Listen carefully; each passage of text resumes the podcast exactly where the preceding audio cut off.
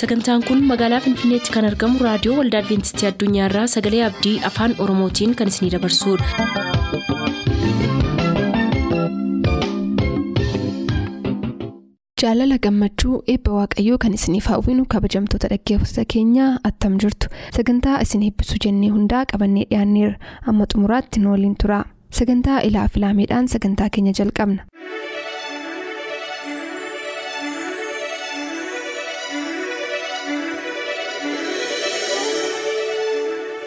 Ilaaf ilaamee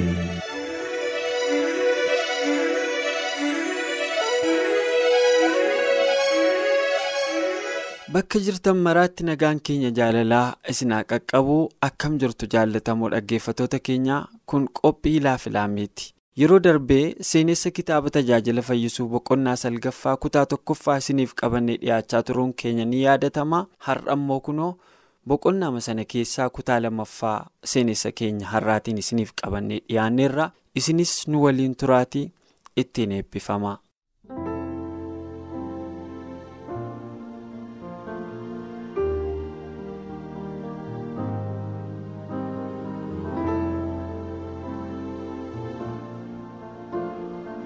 Tajaajila fayyisuu boqonnaa sagal barsiisuu fi fayyisuu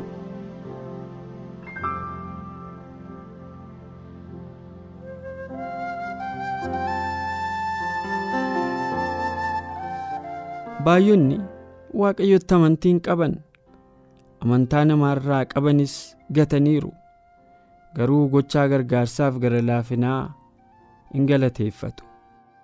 lafarraa galataa argachuu fi wanti nama kakaasu kan hin jirre yookiin beenyaan mana isaaniitti galu.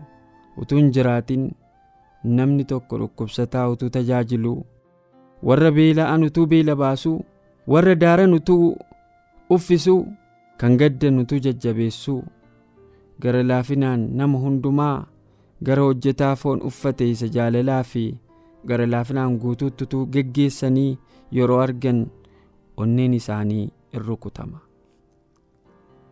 galanni isaan keessaa madda amantiin isaan keessatti qabsiifama. Waaqayyoo akka isaaniif eeggannaa godhuu argu. Sagaleen isaa yeroo banamus dhaga'uuf qophaa'u. Ergamoonni wangeelaa kan biyya alaas ta'e kan biyya keessaa dhiironnii fi durboonni hundumtuu dhukkubsatoota tajaajiluu kan danda'an yoo ta'an dhageettii namoota baay'ee harkisu. Bu'aan isaan buusanis guddaa ta'ee argama dubartoonni ergamanii biyya ormootaa dhaqan yeroo balballi kan biraan cufamu dubartoota lafaa kanaatii fi wangeela kennuuf carraa guddaa argatu. Hojjetoonni wangeelaa hundumtuu dhukkubbii tasgabbeessuuf dhibee dhabamsiisuuf attamitti yaalii salphaa akka godhan beekuu qabu. Hojjetoonni wangeelaa qajeelfama jireenya fayyaa barsiisuu danda'u qabu. Bakka hundumaa dhukkubatu jira baay'een isaa immoo seera fayyummaatiif xiyyeeffannoon yoo kenname baay'een isaa immoo seera fayyummaatiif xiyyeeffannoon yoo kenname kan daanga'uu danda'udha qajeelfama fayyaa jireenya isaanii keessaa qabaachuun jireenya ammaafis ta'e isa dhufuuf barbaachisaa ta'uusaa namoonni arguu qabu. Bakka jireenya namaa akka ta'uuf uumaan kan isaaniif kennee fi isanni irratti soortuu amanamaa ta'uu isaanii barbaaduuf itti gaafatamummaa qabaniif dammaquutu isaan barbaachisa. Dhugaa sagalee barreeffama qulqullaa'aa keessatti kennameen xiyyeeffannoo isaanii harkisuu qabu. Manni qulqullummaa waaqayyo immoo waaqayyolii tolfamanii wajjin waliigaltee maalii qabu? Waaqayyo jiraataadha nuyis mana qulqullummaa isaatiiti waaqayyo ofii ani isaan biraa nan buufadhaa isaan gidduus nan deddeebi'a ani waaqayyo isaanii nan ta'a isaanis saba koo ta'u jedhee waadaa seeneera. Tooftaa salphaatiin dhukkubsataa yaaluu tooftaa daawaasummaa'ee fayyadamuu bakka bu'u ilaalchisee barumsa kan barbaadanii fi gammachuudhaan kan fudhatan kumaatamatti lakkaa'amu. Haara'umsa nyaataa ilaalchisee qajeelfamni guddaatti barbaachisa. Amalli soorota dogongoraa fi nyaata fayyummaaf hin taane fayyadamuu of qabuu dhiisuu yakkaa fi hiraara yookaan dararama addunyaa abaarsiseef itti gaafatamni isaa xiqqoo miti. Qajeelfama fayyaa barsiisuu keessatti kaayyoo haara'umsaa isa guddaa sammuu namootaa dura ka'a. Kaayyoon kunis guddina qaamaa kan sammuu fi lubbuu isa olaanaa argachuudha seerri uumamaa inni seera waaqayyoo ta'e gaarii akka nuuf ta'uuf karoorfamuu isaa argisiisa. Kanaaf abboomamuun jireenya ammaa keessattis gammachuu fida. Jireenya dhufuuf qophaa'uufis ni gargaara. Hojii uumamaa keessatti mul'achuun jaalalaa fi ogummaa waaqayyoo qo'achuutti namoota geessisa. Qaama namaa isa dinqisiisaa fi waa'ee seeraa inni ittiin to'atamuu qabuutti isaan geessisa. Jaalala waaqayyoo kan hubatan ogummaa fi faayidaa seera isaatii bu'aa abboomamuus kan beekan dirqamaaf hojii isaanii ilaalcha addaatiin ilaalu. Seera fayyaa kabajuu fi akka of ganuutti yookiin akka aarsaatti qooda ilaaluu qixa sirriitiin akka eebba tilmaamuu hin dandeenyetti ilaalu. Hojjetaan wangeelaa hundinuu qajeelfama jireenya fayyaa barsiisuun kutaa hojii isatti kennamee akka ta'e itti dhaga'amuu qaba. Hojiin kun guddaatti barbaachisa. Addunyaanis hojii kanaaf banaadha bakka hundumaatti hojii dhaabbataa yaalii dhuunfaatiin bakka buusuutu mul'ata. Ogummaan namaa ijaarsa waldaa guddaa fi dhaabbatoota wal fudhachiisuu fi wiirtuu tokko jala galchuu yaada. Namoonni baay'een hojii arjummaa dhaabbataaf dhiisu. Addunyaa quunnamuu irraa mataa isaanii adda godhu. Onneen isaaniis hin diilalla'a ofittummaadhaan kan liqinfamanii fi kan dhimma hin qabne ta'u waaqayyoof nama jaallachuun lubbuu isaanii keessaa du'a. Kiristoos hojii dhuunfaa bakka bu'umsaan hojjetamuu hin dandeenye hordoftoota isaatti kenne. Hiyyeessotaaf dhukkubsatoota tajaajiluun warra badaniif wangeela kennuun koreedhaaf yookiin dhaabbata tola ooltummaatiif dhiifamuu hin qabu. Itti gaafatamni dhuunfaa yaaliin dhuunfaa fi aarsaan dhuunfaa ulaagaa wangeelaati. Gara karaa guddaa biyya lafaatti kelloota duubattis ba'iitii manni koo hamma guututti olaa galaniif nuffisiisi kan jedhu abboommii kiristoos. Inni namoota warra isaan gargaaruu barbaadanii wajjin wal quunnamsiisa hiyyeessa oliif gadi jooruuf iddoo bultii kennaa. Isa qullaa ta'e yommuu argitan daara baasaa. Harka isaaniis warra dhukkubsatan irran kaa'u isaanis hin fayyuu jedhee kan inni isaan jajjabeesse yeroo akkasiitiif. Eebbi wangeelaa quunnamtii kallattiif tajaajila dhuunfaatiin kennamuu qaba. Bara durii keessaa saba isaatiif ifa kennaa kan ture waaqayyo gareedhaan hin hojjenne. Daani'eel sanyii mootota yihudotaa ture. Isaayaasis toora moototaa keessaa dhufe. Daawit ijoollee tiksee tiksu ture. Amoos horii horsiisa ture. Zakkaariyaas hojjetoota baabiloon keessaati elsaa'iin qottuu ture. Gooftaan raajotaa fi mootota hangafootaa fi warra gaddeebi'oo akka bakka bu'oota isaatti kaasee dhugaa addunyaaf kennamuu qabu isaan barsiise. Hirmaattu ayyaan isaa kan ta'an hundumaa kan biroof akka hojjetaniif gooftaan isaan kaa'e. Dhuunfaadhaan bakka keenya dhaabbannee kunoo ani jiraa ana ergi jechuu qabna.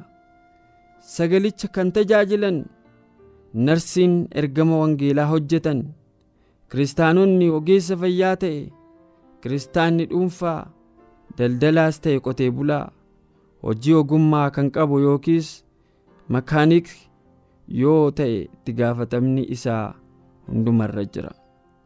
Wangeela fayyina isaanii namootatti mul'isuun hojii hunduma keenyaati. Hojiin nu hojjennu hundi xumurri isaanii gara kanatti geessuu qaba. Hojii isaanitti kenname kana kan hojjetan namoota biroof eebba ta'uu qofa utuu hin taane ofii isaaniifis in eebbifamu. Sammuun hojii gaariin ittiin hojjetame lubbuu nama sanaa irratti dhiibbaa gaarii gaggeessa. Abdii kan kutatan abdii kutannaa isaanii irraanfatu kan dadhaban ni jabaatu. Wallaalaan beekaa ta'a hundumti isaanis isa isaan waame biraa gargaarsa hin kufne argatu. Waldaan kiristoos tajaajilaaf ijaaramte. Dhaadannoon ishee tajaajila. Miseensonni ishee loltuu ajaja waraanaa fayyina isaanii jalatti loluuf leenji'aniidha. Tajaajiltoonni kiristaanaa ogeessi fayyaa barsiisonni hojii bal'aa isa namoonni baay'een hubatan irra caaluu qabu. Saba tajaajiluu qofa utuu hin taane akka isaan tajaajilaniif isaan barsiisuu qabu. Qajeelfama sirrii kennuu qofa utuu hin taane akka isaan qajeelfama kana hiraniif dhaggeeffatoota isaanii barsiisuu qabu. Dhugaan itti hin jiraatamnee fi hin hiramne humna fayyisuu fi jireenya kennuu of keessaa qabu. Eebba isaa qabatee kan inni turu yeroo hiramuudha. Tajaajilli walfakkaataan nuyi waaqayyoof hojjennu hafuun isaa barbaachisaadha. Miseensi waldaa kamillee tajaajila gooftaaf waan tokko gochuu qaba. Namoonni tokko tokko akka warra kaanii waan baay'ee hojjechuu hin danda'an. Garuu dambalii dhukkubaaf dhiphinaa isa addunyaa keenya duguugee balleessaa jiru. Daangessuuf namni kamillee waan isaaf danda'amu gochuu qaba.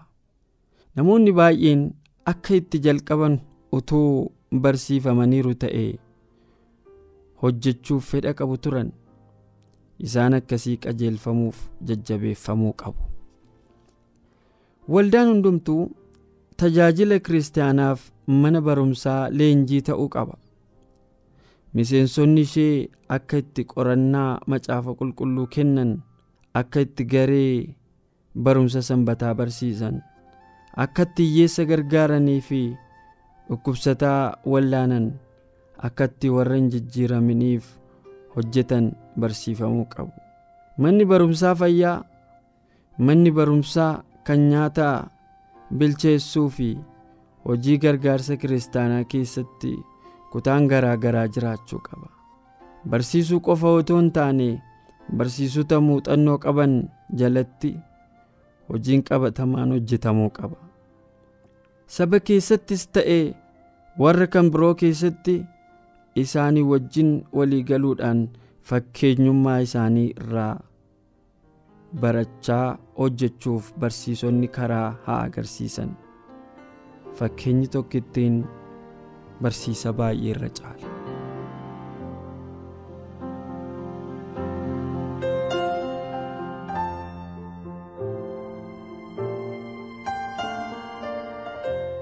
kabajamoof jaallatamoo dhaggeeffattoota keenyaa akkuma dhaggeeffachaa turtan seenessa kitaaba kana keessatti isiniif qabannee dhiyaachaa turreen ergaa barbaachisaa argattaniitu jedheen abdii qaba haa ta'u malee seenessi kutaa kana jalatti isiniif dhiyaatu hin xumuramne isa afu qophii keenya taanuun isiniif qabannee dhiyaannaa ammasitti ayyaanni waaqayyoo bakka jirtan maratti isiniif baay'atu nagaan nuuf tura.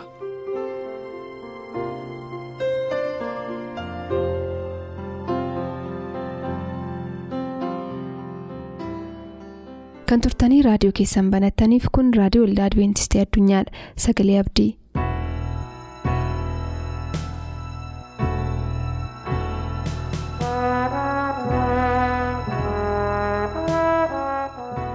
Sagalee kana dhaggeeffataa kan jirtan hundumti keessanii attam jirtu fayyaadha. Sagalee guyyaa har'aatti walii wajjin ilaallu utuu gara isaa hin naqiniin fuuldura hundumti keenyaa waaqayyoon hin kadhanna. waaqarra kan jiraattu yaa qulqullaadhaaf talaama nama abbaa keenyaa galanni guddaan siif haa ta'u tokko tokko keenya nagaatti fayyaatti iddoo oona waan nu geesseef yaa waaqayyo abbaa yeroo kanattis immoo yommuu dubbii keessa qulqullaa dhaggeeffachuudhaaf itti dhiyaannee jennu tokko tokko keenya wajjin taate garaa hubatu yaada fudhatu gurra dhaga'u hunduma keenyaaf kenni maqaa gooftaa yesuusiin si kadhannaa nuuf dhaga'i ameen. Guyyaa har'aatti walii wajjin kan ilaallu dubbiin waaqayyoo inni qulqullaa'an macaafa moototaa isa lammaffaa boqonnaa lamaa lakkoofsa kudha sagalii jalqabnee ilaalla. Warri biyyasiis Elsaayiidhaan jedhanii kunoo biyyana taa'uun guddaa gaariidha. Atuu akka argitu yaa gooftaa koo garuu bisaansaa hamaadha. Biyyichis nadheenotarraa hin baasisa. Jedhees waciitii haaraa naa fidaa. Soogiddas keessa kaa'a. Kanas fidanii gara isaa dhufanii.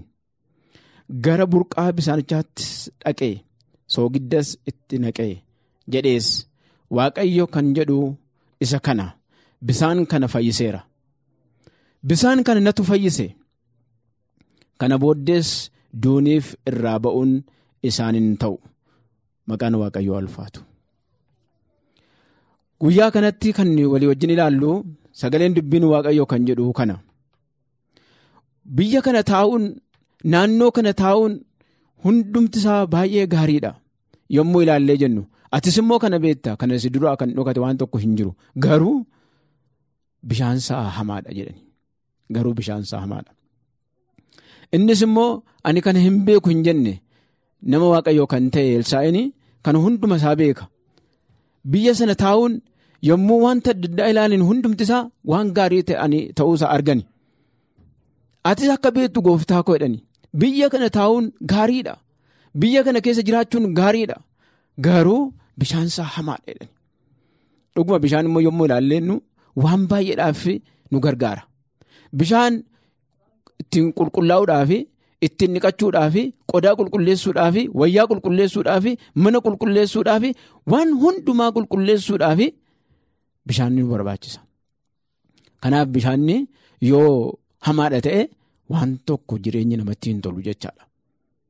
Isa kana kan isaan rakkatan xaafii yoo ilaalle garbuu yoo ilaalle qamadii yoo ilaalle wanta adda addaa yoo ilaalle hundumti isaa gaariidha. Manni isaas alli isaas bakki isaas hundumti isaa gaariidha. Garuu bishaan isaa hamaadha jedhani. Bishaan isaa hamaadha. Bishaanni bakkeetti kan qulqulleessu hin ta'in keessattis dhunnee jireenya gaarii argachuudhaaf kan dandeenyu bishaani. Minaan yoo dhabne yeroo baay'ee turuu hin dandeenyu. Yoo bishaan dhabne garuu sa'aatii baay'ee turuu hin dandeenyu. Yeroo baay'ee turuu hin dandeenyu. Kanaaf bishaan kana rakkatan. Rakkina isaanii itti matani. Rakkina isaanii yommuu isaan itti matani atis akka beektu akka ilaaltu jedhanii itti matani innis immoo dhugaareedha. Jedhees jedhe waciitii haaraa naa fidaa. Waciitii haaraa naa fidaa. Waciitii haaraan maanii hiikaa qaba. Raajii Hisqeel soddomii ja'a digdamii ja'a irraa yommuu dubbifannu akkanadha. Waciitii haaraa isa kana sanni fidaa jedhee waciitii haaraa waciitii duwwaa fidaa ittiin jedhee isaanis immoo eessaa finna utuu hin jedhini haaraa waan ta'e duwwaa waan ta'e eessaa finna utuu hin jedhin akkuma ajajamanitti waciitii haaraa fidaniif. Waciitii haaraan hiikaan isaa kana isiniin abbaba. Hisqeel kudha soddomii ja'a digdamii ja'a irraa. Garaa haaraas garaa qulqullaa'aa garaa nagaa isiniifan kenna. Hafuura haaraas isin keessa nan kaa'a. Dhagna keessan keessaas garaa dhagaa nan baasa. Garaa foonis isiniifan kenna jedha dubbin Waaqayyo. Waciitii haaraa inni naaf fidaa jedhe Elsaa'iin namni Waaqayyo garaa haaraa naaf fidaa. Garaa hafuurri Waaqayyo inni haaraan inni qulqullaan sun keessa taa'u kana naaf fidaa jechuu isaati. Namoonnis immoo kana fidaniif. Kana booddee immoo waan tokko godhe soogidda keessa buusaa jedha. Soogidda keessa buusaa jedha. Soogiddi immoo hiikaa qaba. Soogiddi immoo hiikaa qaba. Soogiddi wangeela Maarqos sagal shantamarraa yommuu dubbifannu soogiddi gaariidha. Isa hamaa ta'e gaariitti deebisa. Isa xuraa'aa ta'e qulqulleessuutti deebisa. Hin qulqulleessa. Kanaaf soogidda naa fidaa yommuu jedhu soogidda sana fidaniitu itti kennanii keessa buusaa naa fidaa jedhe. Keessa buusaa naa fidaa jedhe. Soogiddi garuu erga busaa'ee maaliin minya aareedha. Soogidda of keessaa qabaadhaa'edha. Soogidda of keessaa qabaadhaadha. Hiikaa soogidda kanaa booddeen ilaalla. Soogidda kanaa yommuu waciitii haaraa keessa buusaatiif fidaa jedhee waciitii haaraa keessa buusanii fidanii innis immoo waciitii haaraa na fudhatee soogidda kana eessatti geesse burqaa bishaanii lafa jirutti geesse. Achitti dhaqee lafa burqaan bishaanii itti ba'u. Lafa achi bahee biyya hundumaatti tamsa'uu danda'u biyya hundumaatti yaa'uu danda'u lafa burqaa isaatti dhaqee dabale. Achumaan gaafa dabaleedhu bishaan kana waaqayyoo fayyiseera jedhe. Maqaa waaqayyoo eebbifamu. Bishaan kun fayyeera har'aa jammaree kana booddee waan tokko bishaan kun hamaa ta'uu hin danda'u. Bishaan kun fayyeera. Annatu fayyiseera waaqayyo. Kana booddee kan nu ilaallu soogiddi kun yoo biyyatti fudhannee biyya keenyatti amma yeroo kanatti yoo ilaalle soogidda bishaanitti naquun dhugaadhumatti yoo ilaalle xuruu miti. Ba'eessa miti gaarii miti. Maaliif bishaanni soogiddi soogidda yoo jedhee ba'eessa miti bishaan gaarii miti. Garuu hiikaa hiikaa guddaa qaba kun hiikaa guddaa qaba. Soogiddi numa biyya lafaa kana keessa kan jiraannu. Wangeela Maatoos shan kudha sadiirraa yoo dubbifanne isin soogidda lafaatiidha. Isin soogidda lafaati. Bishaanni soogiddi ittiin nam'u. Dubbiin waaqayyoo achi keessa waan baay'ee nu barsiisuu barbaada. Soogidda miti bishaan kan gaarii godhu. Soogiddi yoo qabaate bishaan yoo mi'aaye bishaan gaarii miti. Bishaan qulqullaa'aa miti. Bishaan hundumtuu itti gammadee dhugu miti. Garuu garuu Elsaayiin namni waaqayyoo kana waan dubbateef qaba. Nu kiristaanonni soogidda biyya lafaati. Bishaan hiikaa dubbii waaqayyoo irraa yommuu fudhannu bishaan jechuun namoota jechaadha. Namoota jechaadha. Namoota waaqayyoo kan uumamanii lafa jiran. Innaa wanti nyaataa fooniif kan ta'u hundumti isaa uffannaanis mannis jireenyis hundumtu gaariidha. Garuu namni isaa hamaadha jedhan. Namni isaa hamaadha. Bishaan isaa hamaadha jechuun namni isaa hamaadha jechuudha. Hiikaan dubbii waaqayyoo akka nuuf kennutti. Namni isaa hamaadha jedhan. Nama hamaa kana maaliin gaarii goona gooftaa yesus kiristoos akkuma nuun jedhetti isin soogidda biyya lafaati erga jedhee namoota warra hamaa kana keessa kiristaanonni akka galanii akka soogiddaa itti mi'aanii isa hin taane kana akka ta'utti deebisu. Soogiddi biyya lafaa nuyi. Kan ammoo gooftaa yesus kiristoostu nuun jedhe. Nuyi soogidda biyya lafaati. Baay'ee malee kana yoo beenne beekumsa guddaadha. Ulfina guddaadha kun. Soogiddi waaqarraa kan gooftaa yesus kiristoos biyya lafaa kanatti immoo nuyi soogidda. Kiristoosiin kan fudhani kiristoosiin duukaa kan buune. Kanaaf kan hubachuutu nurra jira. Akkuma sila dubbifanne wangeela Luqaas irraati akkana jedhee dubbata. Soogiddi gaariidha. Soogiddi garuu erga busaa'ee maaliin mi'aaree lafaafis kosiidhaafis waa'ee hin baasu. Gadi baafamee gatama maleedha. Gadi baafamee gatama malee. Luqaas kudha afur soddomii afur irraa arganna kana. Kanaaf jireenyi keenya soogidda ta'ee biyya lafaa isa bushaayee jiru kana biyya lafaa isa rakkataa jiru kana namoota warra gaarii hin taane kana gaariitti deebisuu kan dandeenyu nuyi akka gooftaa yesus kan nutti dubbatetti kana gochuu akka dandeenyu waaqa tokko tokko keenya wajjin haa ta'u. Boor sagantaa macaafni qulqulluu maal jedhaa qabannee dhiyaan kanarraaf jennee asumaan xumur yaada sagantaa keenya irratti qabdan raadiyoo waldaa adventistii addunyaa lakkoofsa saanduqa poostaa 455 finfinnee jedhaanuf barreessa raadiyoo waldaa adventistii addunyaa lakkoofsa saanduqa poostaa 455 finfinnee. Yerusaalem mana koo galgala yaafii kottu yesus koonan gala biyya kennaa tola achi keessaa burqaara yaa'amu turri nama swangaarii dhaga'amu duwwaan dhaga'amu achi keessaa burqaara yaa'amu turri nama swangaarii